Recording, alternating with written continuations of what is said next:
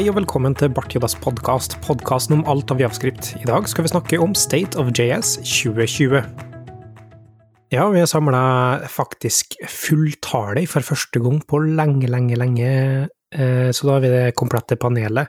Vi starta fra min topp på vinduet her, for vi er distribuert i dag, og det er du, Marius. Jeg som er heldig å få havne på toppen din, ja. Hei. Ja, og så, altså, jeg er på topp, topp, da, bare for det sagt. Ja, og så er du under med. Mm -hmm. og så er det du, eh, Tryggestad. Hallo, hallo. Og så har vi fått tilbake Christian Alfoni fra fødselspermisjon og, og litt sånn eh, Godt å være tilbake? Det er veldig, veldig godt å være tilbake.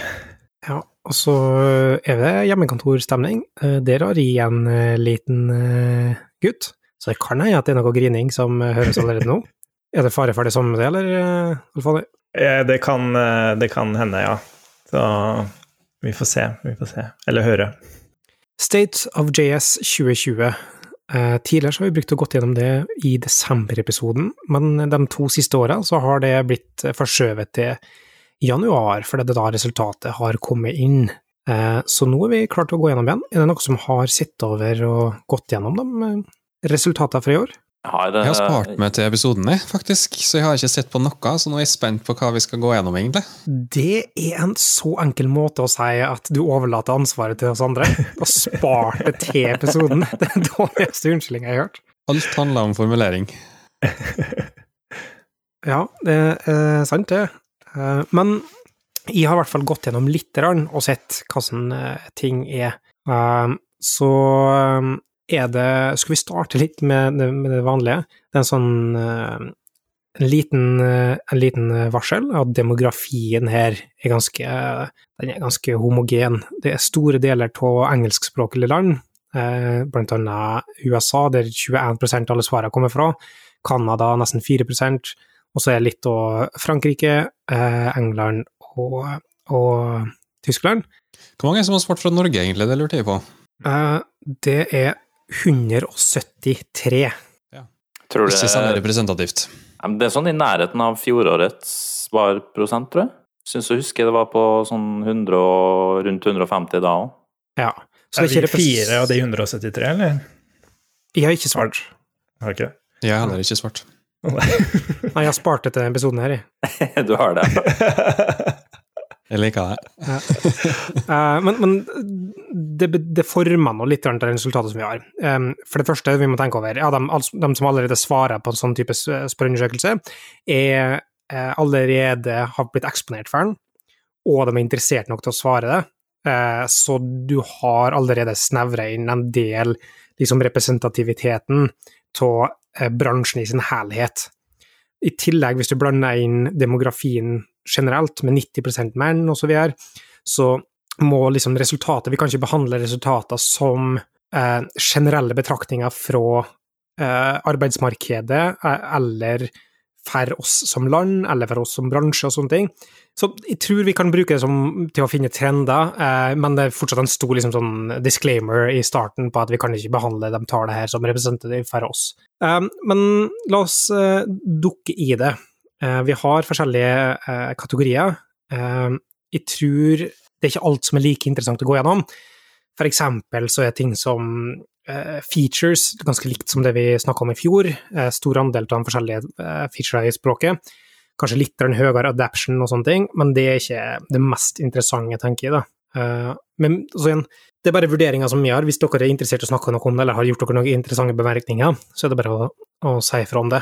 Jeg kikka litt over i går, og mm, beit meg merke i to ting, egentlig. Um, Det ene var typed arrays. Det ligger kanskje må ligge under syntax eller language. Da. Mhm. Der var det i hvert fall en, en veldig høy andel eh, som hadde brukt den featuren. Det overraska meg litt. For typed arrays er ikke, har ikke jeg vært borti ennå, i hvert fall. Nei. Uh, Det kan hende at det, eh, ligger under eh, eh, datastruktur, kanskje? Der har du ty typed arrows, ja. 35%, 35% bruk, og så 31% som eh, know about it. Har du lyst på en kort forklaring på hva det er for noe, Kristian? Nei, det er, er en av dem som svarte 'know about it'. Um, men jeg kjenner bare til det ved navn, ja. Ja. Og så Jeg veit jeg har lest noe om det for lenge, lenge siden, men Ja, for det er sånn typisk eh, eh, eh, array som kan helle bufferdata og sånne ting, så du har en unsigned int 32 uh, array, for eksempel, som er ment å helle på binærdata uh, i, uh, i minnet. Så uh, det er en ganske stor andel som bruker det, ja. ja. Eh, Brukes det med WebAssembly? Er det i forbindelse med det det har kommet? Eh, For det nei, er, det, jeg leker kan- med WebAssembly, og det er jo, der har du jo bare et svært array du kan lese fra. Samtidig så er det knappe 9% eller noe som nå har økt fra 5 til 9% eller noe med WebAssembly-bruk. Så jeg tror ikke det kan være mm, dekke opp hele den, den andelen her, da. Men det blir òg brukt i f.eks.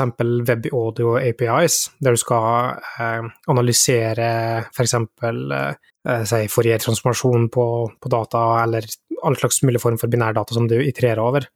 Det kan òg bli brukt på Node for å eh, håndtere eh, rå data eh, som sendes over. Så eh, jeg vet ikke. Et så I- mange bruksområder. Det liksom, det var jo veldig høyt, da. Ja. Men det var Ja, det kan jo hende det har begynt å bli tatt i bruk på, på Node-sida, da. Ja, Jeg kan ikke se for meg at uh, typed arrays i klientsidekode er så Altså at det er så utbredt, da. Kanskje det er misforstått? Kanskje de tenker uh, om de har brukt TypeScript og lagd en array-type i TypeScript? Det Mhm. kan jo så klart være en feilkilde, da. ja. Det er interessant. eh, Jeg er ikke sikker i, altså, på hva, hva som kan For det, slår, det, det er en sånn ting som du typisk bruker på mer lavnivå. Så det at uh, en tredjedel av alle bruker det, syns det høres utrolig høyt, opp, høyt ut. Men det kan jo være, som dere sier, en, en feilkilde innpå der, da. Men du ser òg at det er 73% og 66% som bruker henholdsvis maps og sets. Det er jo egentlig noe som vi bruker sjeldent, skal vi være helt ærlig. Uh, men her så må vi også skjønne at eh, tenker over nå at det her er hvem som har brukt det. Og da har jeg har brukt typed Airways. Bruker jeg det ofte? Nei, men jeg hadde svart har du brukt det? Ja, for jeg har brukt det en eller to ganger. Eh, Så Hva brukte du det til, da? eh, nei, jeg tror det var noe webaudio-ting sist. Og også noe filtransformering og noe filhåndtering på Node. da. Ja, det er noe det er en interessant diskusjon kanskje allerede, da, sånn hvor folk legger terskelen for å si at de har brukt noe. Er det å bruke det til det daglige, eller er det å bare å ha, ha, ha gjort det? Mm. Kanskje tror skulle hatt en er fjerde? rett og slett bare testa deg. Mm, tror jeg. De skulle hatt en using it som et fjerde alternativ. Ja.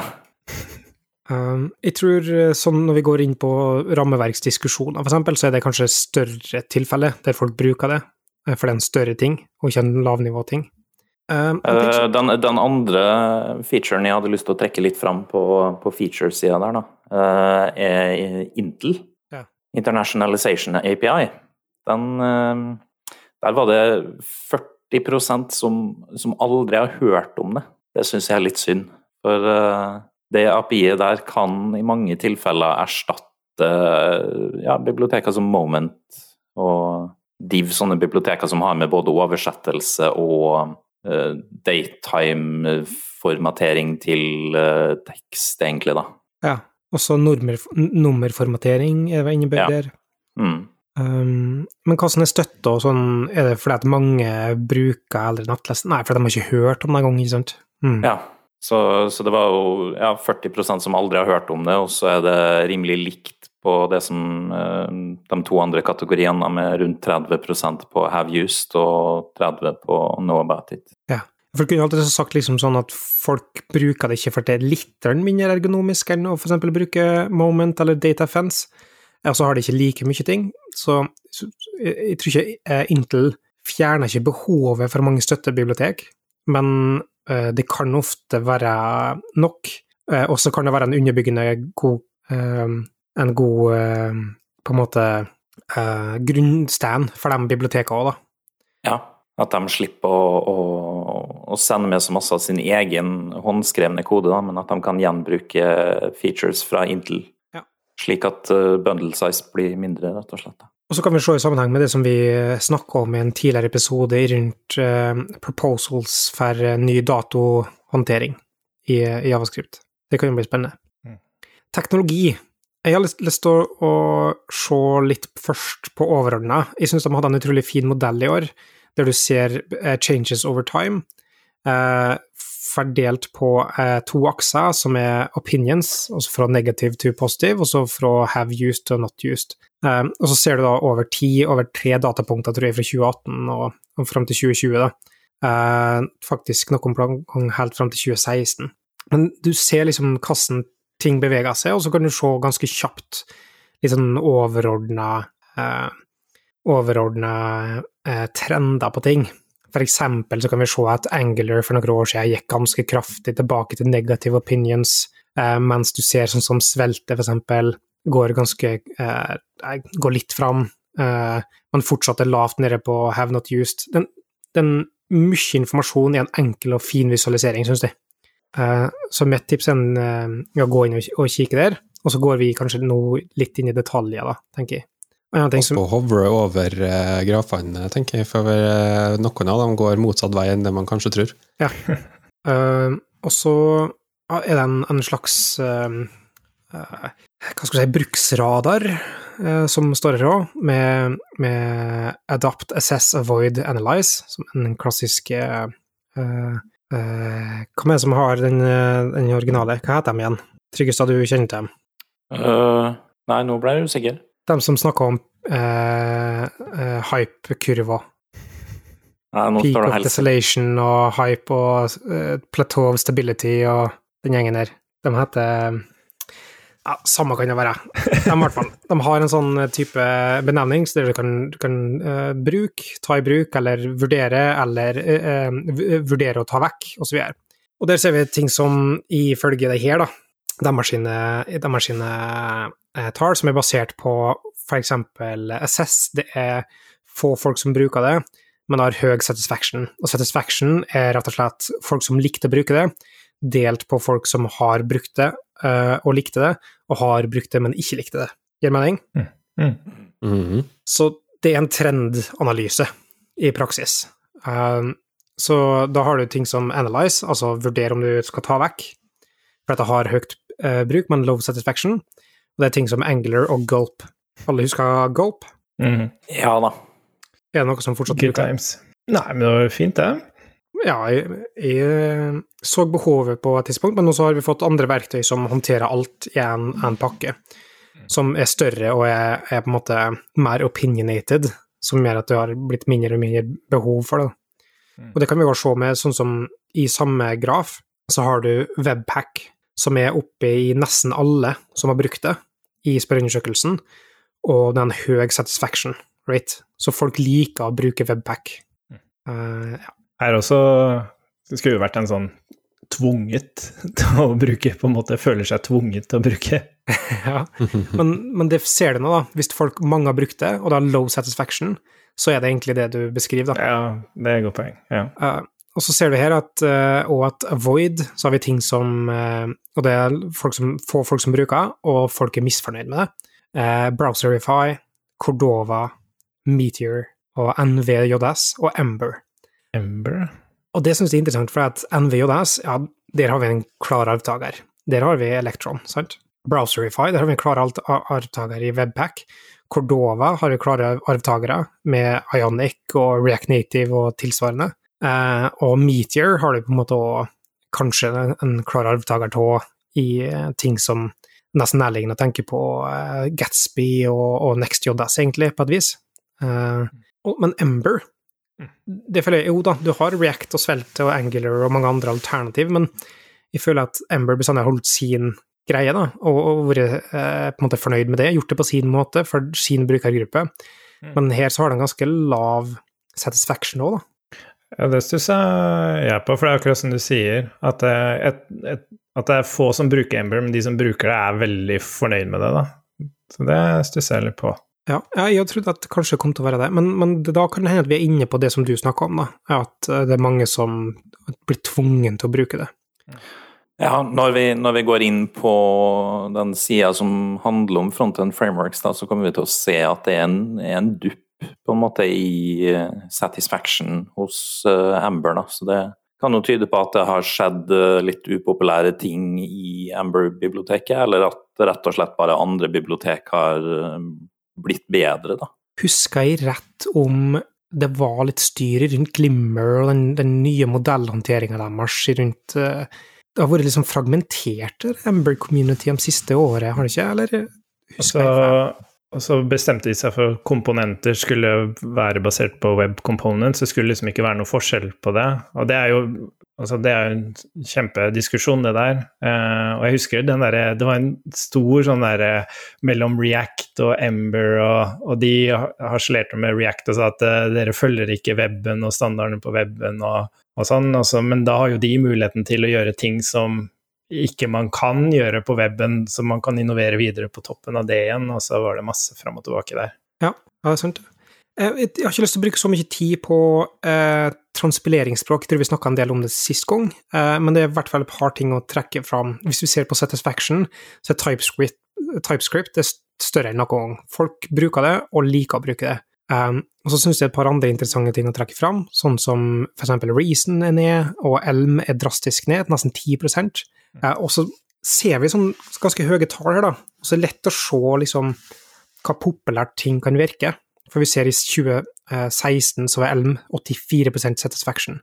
Og så 2017 81, 2018 73, 72 i 2019, og så nå da 63. Så ganske sånn dramatisk fall, som ser stort ut. Men så hvis vi begynner å se da heller på eh, usage, eh, så ser bildet litt annerledes ut. For at TypeScript i utgangspunktet eh, har 78% bruksrate, opp fra 66, som er ganske dramatisk. Vi lever virkelig på en måte TypeScripts verden nå, for det er at 80% bruker det. Mm.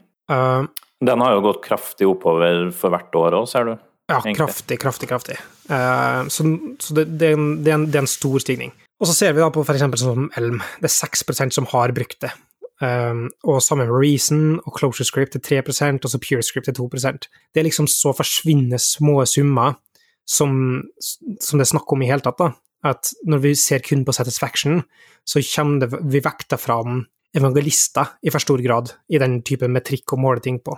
Uh, så selv om vi kan se på det nå i trendsammenheng, f.eks. at uh, Reason har gått ned nesten 10% og Elma har nesten gått ned 10 så ser vi at selv de som er på en måte ihuga fans av den lille markedsandelen som de allerede har, uh, detter vekk i større grad. Da. Mm. Men, men, fortsatt så uh, Jeg vet ikke, jeg føler at den leiren der, både Reason og Elm, Elm i kanskje større grad, har vært så vokal at de framstår som en mye større andel Uh, mens egentlig så er det snakk om forsvinnende små tall, da. I, I, den demografien som jeg svarte her, da, vel å merke. Mm. Det tenker jeg var litt uh, interessant, egentlig. ja, det er jo kanskje tyder jo kanskje på at um, f.eks. Elm-brukerne begynner å bli litt um, frustrert da, over at uh, usage-prosenten ikke går opp, og det dermed ikke får den liksom big boom som man kanskje har sittet og venta på. Ja, og at språket har gått sakte i utviklinga, tror jeg kan mm. være òg. At det blir litt mer uenigheter der. Flere har gått, liksom, gått litt trått, da. Eh, slow and steady er liksom mer den tilnærmingsmåten. Så det har vært Jeg tror det har vært litt sånn um, Litt uenigheter i leirene om at det her går ikke i den retninga som folk hadde håpa på. Mm. Eh, ja, jeg kan, jeg kan, jo forstå det at når det mottoet er på en måte slow and steady, da, så Ja, det var bare noe jeg fant på nå, altså. Så, så ja, men jeg, ja. jeg, har jo hørt om det, at uh, han som har laga Elm, er glad i å bruke tid på ting, da, før han får det ut. Og Det er jo i sterk jo... kontrast til TypeScript, som pumper ut nye features hele tida. Mm. Og så er det jo Elm er jo litt sånn pussig, for det er sånn delvis Jeg ser på det som delvis rammeverk og delvis språk. At det er De har bestemt hvordan man skal bygge apper der, og det er for å bygge apper. Uh, og da er det ekstremt mye man skal holde tritt med, da. Av uh, alt fra styling til webassembly, liksom. Er, man skal liksom få til alt, da, og språkutvikling på toppen av der igjen. Det er hinsides mye å ta over seg. Ja, og så kan det forklare litt av dissatisfaction òg, da. Hvis du tar det i bruk, eh, og så skal det løse alt, så er det jo tett knytta opp mot hva slags problem du skal løse. Så det betyr at hvis du bommer på teknologivalg i forhold til problem, så kan du måtte svømme mye mer motstrøms enn det du kunne ha gjort hvis du har valgt rett teknologi til rett problem. Mm. Eh, og det tror jeg har innvirkning på om du er misfornøyd eller fornøyd med teknologien i seg sjøl. Mm. Um, igjen, hvis vi ser på Satisfaction, så er vi nå uh, Det vil si òg med, med jeg tror at uh, litt av det reflekterer òg, at vi er over det, en liksom, initial peak av hype. Og så har vi begynt å stabilisere seg kanskje litt. Men der vi ikke har kommet til den peaken ennå, eller kanskje vi er på vei, er sveltet. Det har vært mye snakk om i 2020, og det reflekteres i eh, ting som er her. Eh, så må vi huske på at ting som er yngre, og som er eh, mer tidligere i hype-kurva, vil folk være mer fornøyd med, for at de kjenner ikke til det så godt. Og det har ført til en 89 svelte eh, satisfaction, da, tror jeg. Altså, eh, det at den er så tidlig fase, folk har nettopp begynt å eksperimentere med det, eh, og så har de ikke helt fått tid til å oppdage eventuelle negative sider med det, eller du kommer fra teknologi som du er så lei av, over til ny teknologi som føles så mye bedre. Eh, så det er interessant at, at svelte begynner å gjøre det så bra, og så er det artig med nye mer stadfesting av, av nyere utfordringer til liksom etablerte status quo. Da. Hvis vi ser igjen på bruksmønster, eller, usage-statistikk, så er svelte på 15% Så det er over f.eks. sammenlignet med sånn som Elm i deres på, på, Javascript Flavors. Um, men så har det jo da tilsvarende sånn som View er 49% bruk, 56% Angular, ned fra 58, så ikke så mye ned. Um, og så 80% på React. da. Ja, det er folk som har brukt det, så hva de legger i det, det er liksom vanskelig å, å se. Den store tingen som jeg tenker selvfølgelig vi ser, som vi har sett i liksom i bransjen i sin herlighet, eller liksom backlashen av kanskje overbruk av Redux, mm. som har gått ned fra 71% jeg sier 82% satisfaction i 2018, eh, 71% i 2019, og så nå til 67 eh, Det går nedover. Uh, men der ser du jo sånn som i 2016, året etter det kom, så var det 93 satisfaction, da. Mm. Så igjen, hvis vi ser på usage, så har det faktisk økt fra 36 til 50, 57, 67, og så 67 igjen. Så det er like mange som har brukt det i år som tidligere, bare at folk generelt er litt mindre um, Folk er litt mindre happy med det, men det blir jo farga av hva de forventer skal være Mm. Kanskje er det sånn med Elm og, og, og tilsvarende også, at når den generelle bransjen begynner å snakke om at uh, det her er vi ikke så stor fan av lenger, så farger vi våre meningsmålinger uh, av det. Ja, og så vil jeg også tro at det, det, er veldig mange som har brukt Redux uh, i for stor grad, da. Og dermed setter seg litt lei på all boilerplaten du egentlig må, må inn med der, da. Ja, litt samme som vi snakka om med Elm, da. Hvis du bruker det til feil ting, så vil det mye mer oppoverbakke eller mye mer friksjon som gjør at det blir mindre happy med det. Mm. Um, Apollo Client føler jeg at det er litt interessant å snakke om. For vi ser fortsatt en økning av GrafQL. Jeg skal være helt ærlig og si at jeg trodde det kom til å bli mindre. Jeg har også sett mange holde på å snakke om liksom sånn at GrafQL er noe du må lære i 2021, og så videre. Um, jeg hadde helt ærlig trodd at uh, kanskje 2020 var det året det vi innså overbruk av GrafQL, og at det kom til å dette litt ned. Men det reflekterer ikke i hvert fall den spørreundersøkelsen her, da. Mm. Brukes det i Gatsby? Ja. ja det er litt sånn følelse at det er veldig mange som bruker Gatsby, og da bruker Apollo Client gjennom det. Ja, um, interessant du skal si det, for jeg hadde den samme tanken, at det ble mye brukt.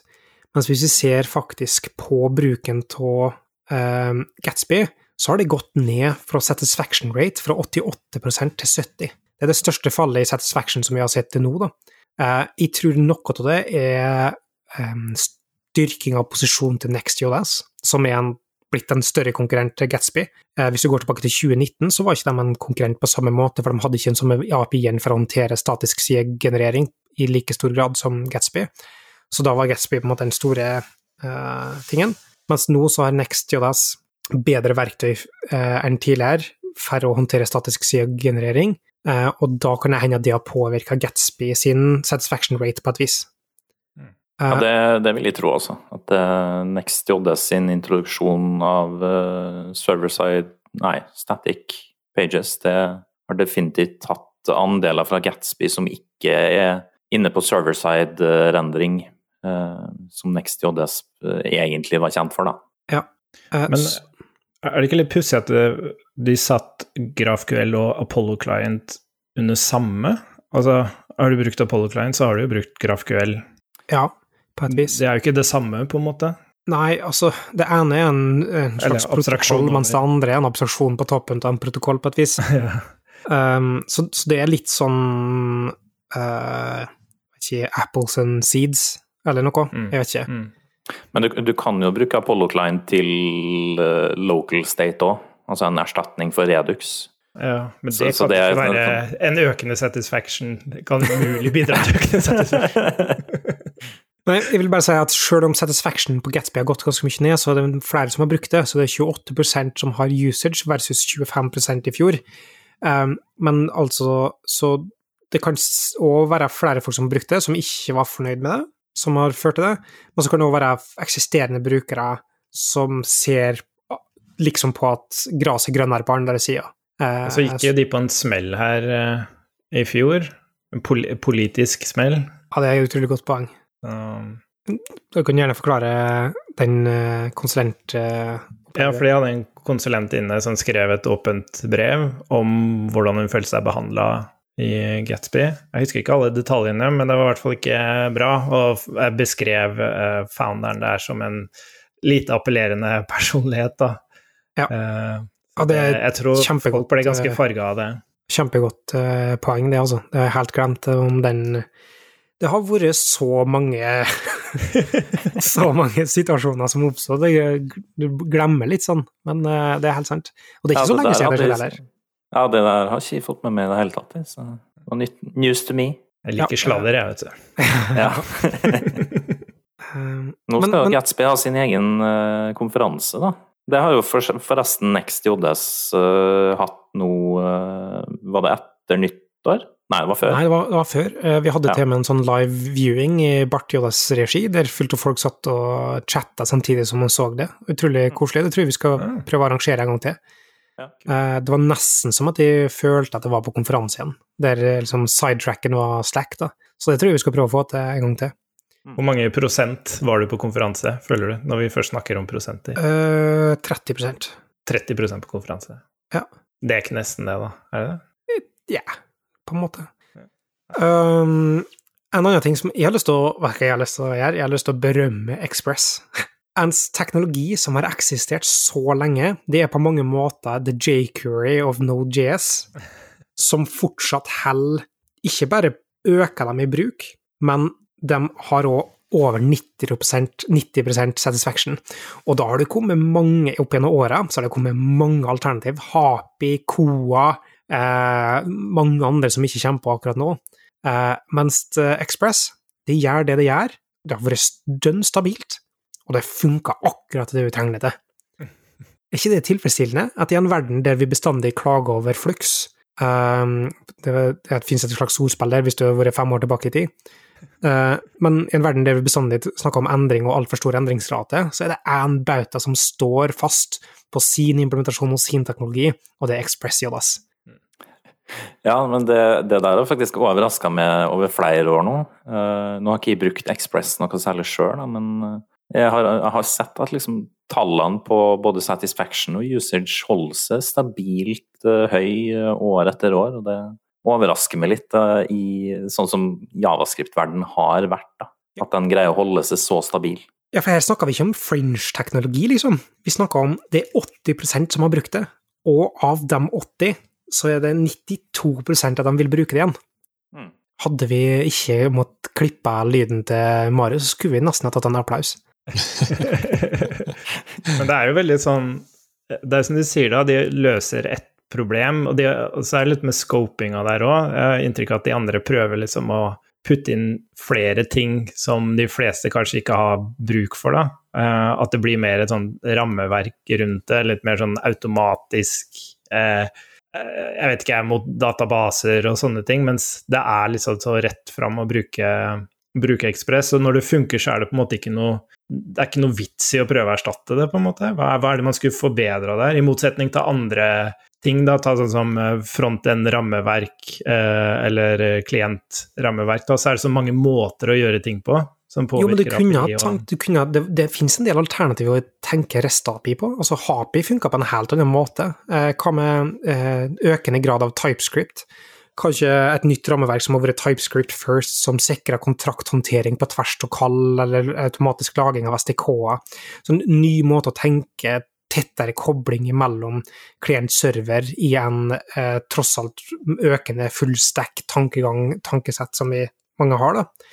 For vi ser òg at mange folk flest som svarer på den, eh, eh, den spørreundersøkelsen, omtaler seg som liksom såkalte fullstack-utviklere. Um, finnes, jeg tror det finnes vekstmateriale her. Jeg tror bare ikke vi har møtt på en abstraksjon som eh, differensierer seg nok til å være verdt investeringa av mangel på Eller tapt økosystem, som det Express har. da. Ja, ikke sant. Mm. Eh, det er i hvert fall min hypotese. God hypotese. Eh, over til byggeskript og sånn, så jeg tenker at det er interessant, for der har vi òg vært en del sånn um, Vært en del utfordrere, kan vi si på den måten.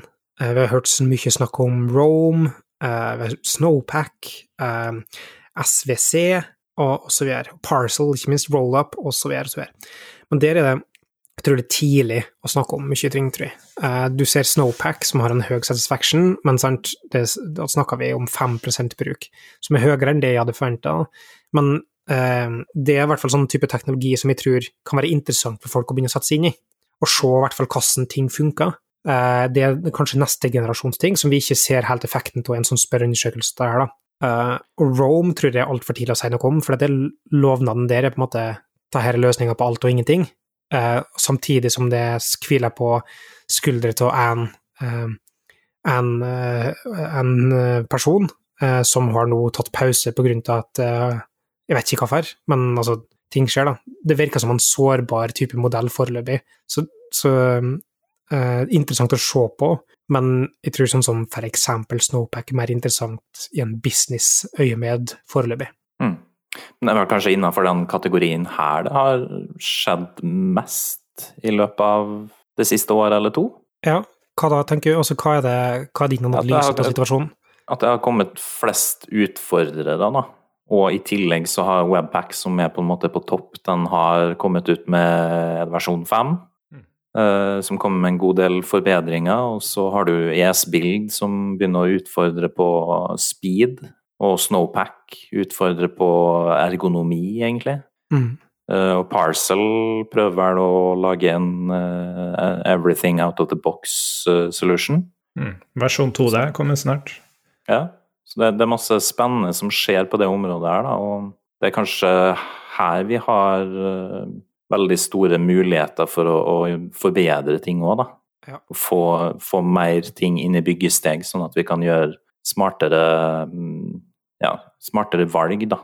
Og det vi ikke ser her, da, er nødvendigvis eh, den, kanskje den aller største endringa fra konsumentens perspektiv, sånn som vi ser det i de siste åra, eh, er at det har fått stadig mer eh, opinionated bundles av bundlers, på et vis. Altså prekonfigurert bundlers som løser ting på en opinionated måte.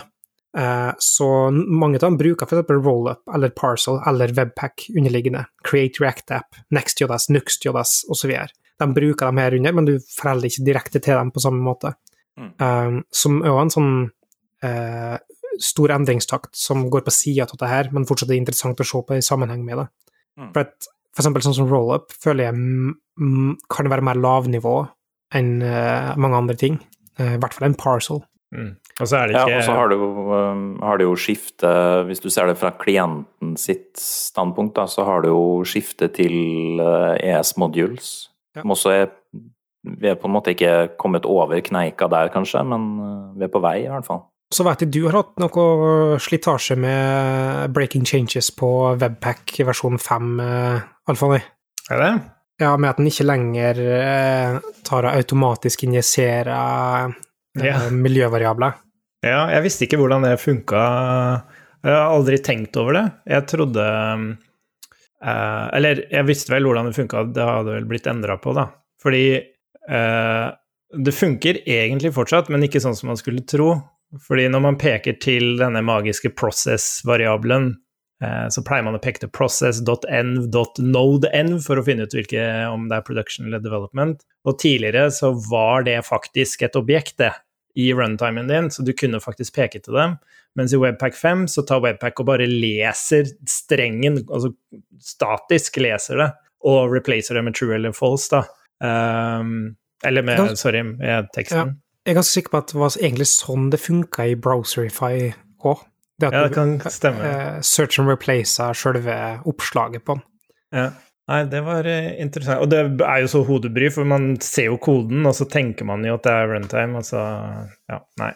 Jeg begynner å slite litt med å tenke liksom sånn Hva er det, hva er det slags uh, ting folk skal trekke ut av det? altså, hva er det Har vi noe sånn anbefaling eller noe? ja.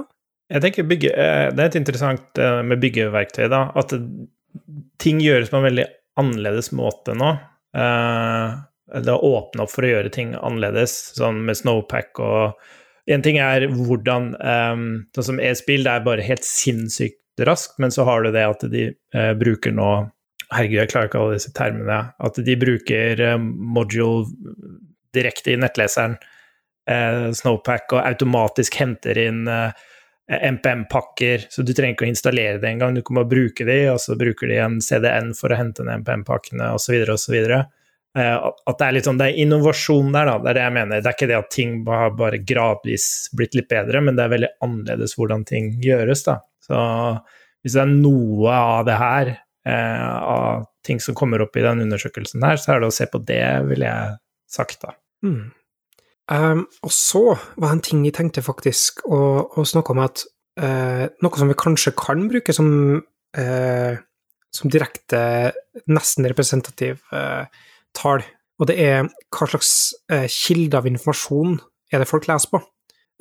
for hvis du skal skrive bloggposter eller lage innhold på et vis, så vil du kanskje gjerne rette mot det internasjonale markedet, som er den samme brukergruppa som, som leser det, får de, de spørreundersøkelsene her. Uh, for det er der uh, Da sprer det seg, og så får du visninger og så videre. Så vi har liksom uh, mine, mine, kjappe anbefalinger er ut ifra den topplisten som er nå, det er at det er tre kilder til gode der folk leser partikler. Og det er CSS Tricks, Medium og så dev.2. Og jeg mistenker at dev.2 har hatt en stor økning i det siste. Det begynner å bli et voksende community av, av innhold.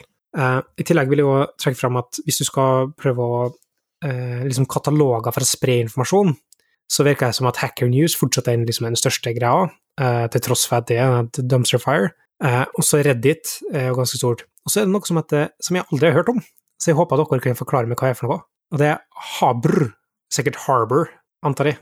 Jeg heller hadde ikke hørt om den, så jeg måtte jo gå innom den sida i går, men uh, kan ikke si at jeg skjønner helt hvorfor den skal havne så høyt opp. Så jeg begynner å mistenke at det er noen fra Habr-communityet som har gått sammen om å svare Habr. Ja, for dette det her er free text-inputs, uh, så uh, det er ting som ikke allerede var i, i søkeresultatet, så det er snakk om forsvinnende få som egentlig har svart det, da. Uh, for eksempel Medium har 1200, nei, 12 000 svar, mens Habr som ser på topp eh, to lister på Other Blogs and Magazines, så har 59 svar. Så det er ikke sikkert vi skal ta det med så eh, ta, vise så stor hensyn til det. Mm. Jeg vil jo tro at eh, hvis Hacker News hadde ligget oppi den uh, kategorien der du fikk forslag til svar, uh, så hadde kanskje den fått litt høyere svarprosent òg. Ja, sikkert. Altså freeform-svarene jeg, jeg har ikke skrevet noe der sjøl, i hvert fall før. Så jeg kan heller ikke se at noen har skrevet Bartjodas podkast, din podkast om alt av javskript, på Other Podcasts, eh, men det i hvert fall jeg ser, er at Syntax FM til Vespås og en annen kar, den, den desidert seirende podkasten i spørreundersøkelsen her, med nesten 3000 folk som har svart. Underholdning, underholdningsverdien, vet du. Det, jeg glemmer ikke. Så vi må være underholdningsverdi, iallfall, er det du sier? Ja, eller vi er, vi er litt uh, mer sånn uh, korrekte i regi av Michael, føler jeg. I forhold til uh, På Syntax FM, der er det ikke så nøye om de forklarer kunst som at de gjør verdien immutabel. Det, Husker du ikke det? det, altså, jeg bare sier at vi kan ikke snakke om immutabilitet når vi snakker om konst, for det kommer til å forvirre folk. Ikke sant? Ja. Og det var, jo, men det var det som var greia. De sa det i syntaks. Det Poenget mitt er at det er ikke så viktig å være riktig der. Det er mer underholdning. Mens her prøver vi å være litt mer korrekt. Så ikke Så du sier at løgn Syntax, og FM er liksom populistens javascript-podkast. ja. ja, ok. All right, all right. Um, jeg vet ikke, er det, er det noe du har lyst til å trekke fram, Tryggestad, fra uh, undersøkelsen i år, som er, er verdt å, å nevne? Nei, Jeg tror vi har eh, vært innom eh, masse, da. Eh, Jeg har notert meg at de på eh, Det blir vel på datalayer på Technologies, da, så savna jeg eh, flere biblioteker, som Recoil f.eks., og NGRX og React Query og etc. Mm.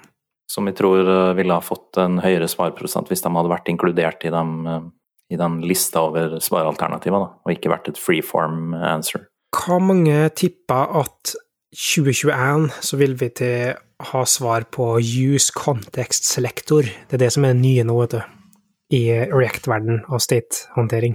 Det er litt for en fersk nyhet. Ja, Det er ingen som bet på. det, nå, nå må jeg inn og søke, rett og slett. Det finnes en RFC som jeg holder på å joine nå, som er liksom eh, all the rage, eh, der eh, nå trenger du ikke recoil lenger, for at, og suspense er ikke artig lenger, for at du har liksom use context selector, som i praksis bare er å hente inn data fra en kontekst direkte. Så ja. For hjemmelekse til neste gang, det er å lese eh, den RFC-en der. Da, Reactor, var det det kalt den? nei, use context selector. Å ja. Use content. Nei, jeg har ikke hørt om. Forresten, jeg vil bare si det. Jeg syns Syntax FM er skikkelig kult, altså. Det var ikke Jeg vil ikke bli sett på som en sånn derre som går og prøver, tror jeg kan alt og prøver å finne feil og hater alle som er populære, liksom. Marius, du har hørt en del på den, har du ikke? Jeg hørte på den eh, ganske mye da den først kom, og et år ut. Men så blei det ikke like interessant lenger, så da stoppa jeg. Jeg eh, hører som sagt ikke på faglige podkaster, jeg bare hører på Jeg hører ikke engang på mine egne. Jeg Det ville vært snodig hvis du satt deg ned og hørte på podkast-episoden du sjøl var med på. da. tenkte jeg at det var interessant i, i dag òg. Ja. Du, da takker jeg for min del av gjennomgangen her, eh, og så tror jeg vi går over til din del, eh, Marius. Jeg får lov til å ha min egen del, ja. Det er ikke verst. Ja. Eh, Det er jo, Som en del av State of Jodas, så er det jo alltid en sånn award- award-seksjon, som vi kaller det. Eh, Award-seksjon. Um, og der prøver vi å gjøre en sånn gjettelek. Um, jeg tenkte bare vi kunne gå kjapt gjennom dem, for det er fire awards her i år. Um, og det første er Most Adapted Technology. Um, den er gitt til Eller jeg kan ta det på engelsk, egentlig. Den er awarded to, awarded to the technology with the largest year-over-year would use again progression. Hva tror dere er det? Express. Mikael. Express. Trygstad?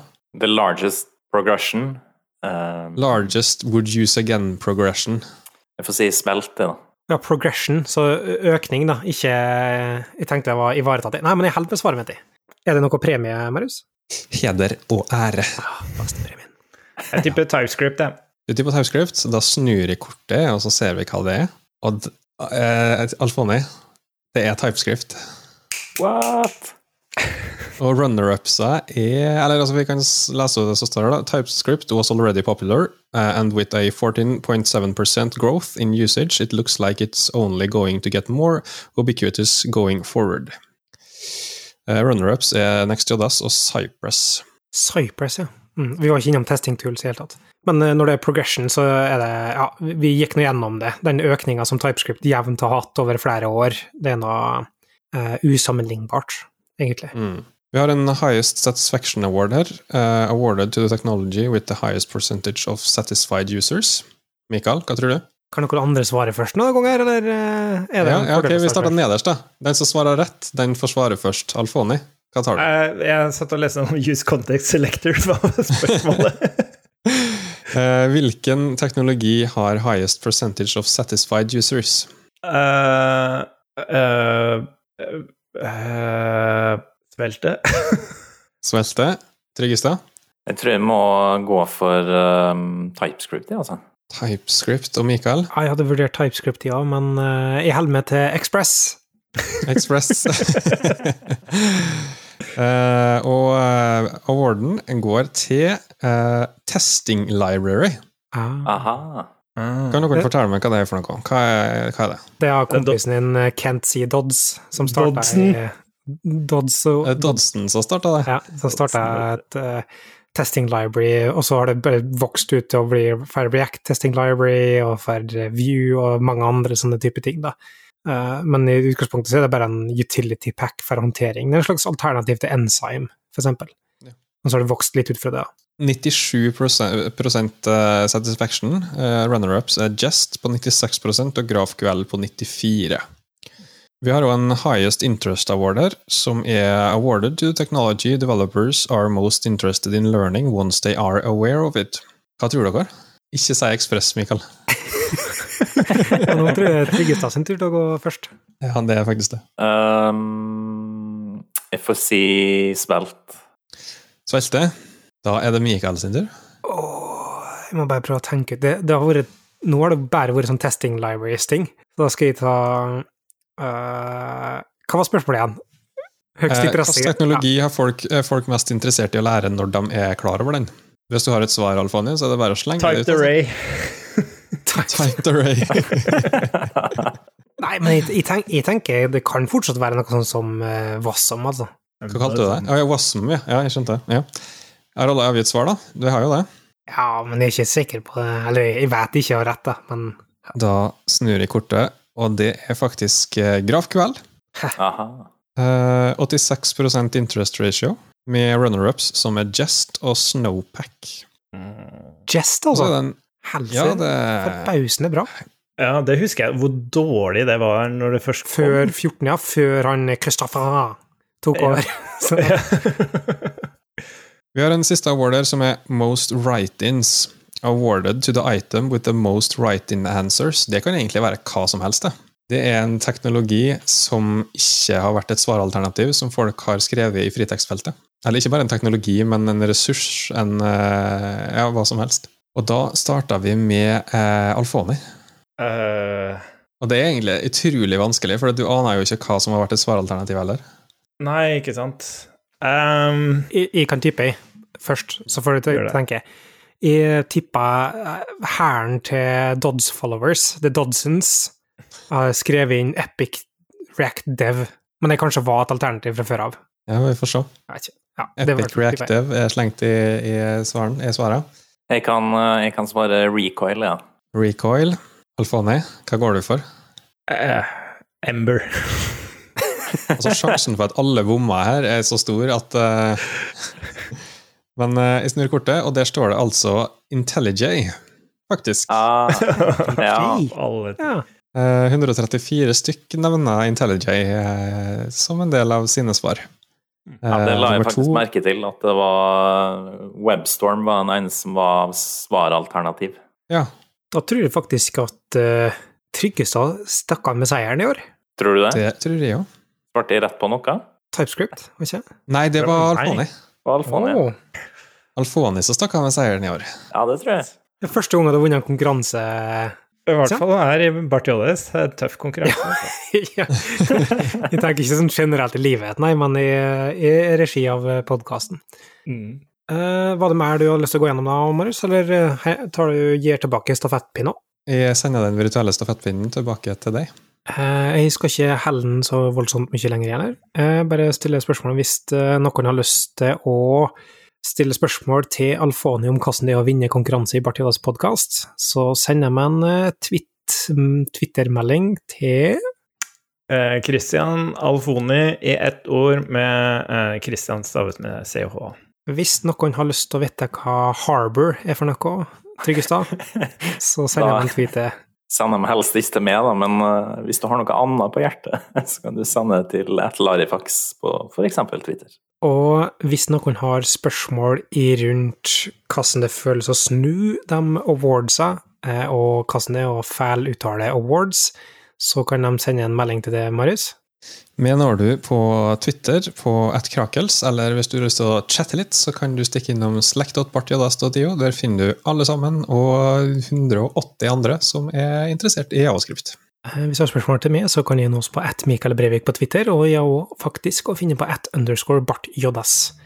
Da gjenstår det bare å si takk for at du hørte på. Så høres vi i neste episode.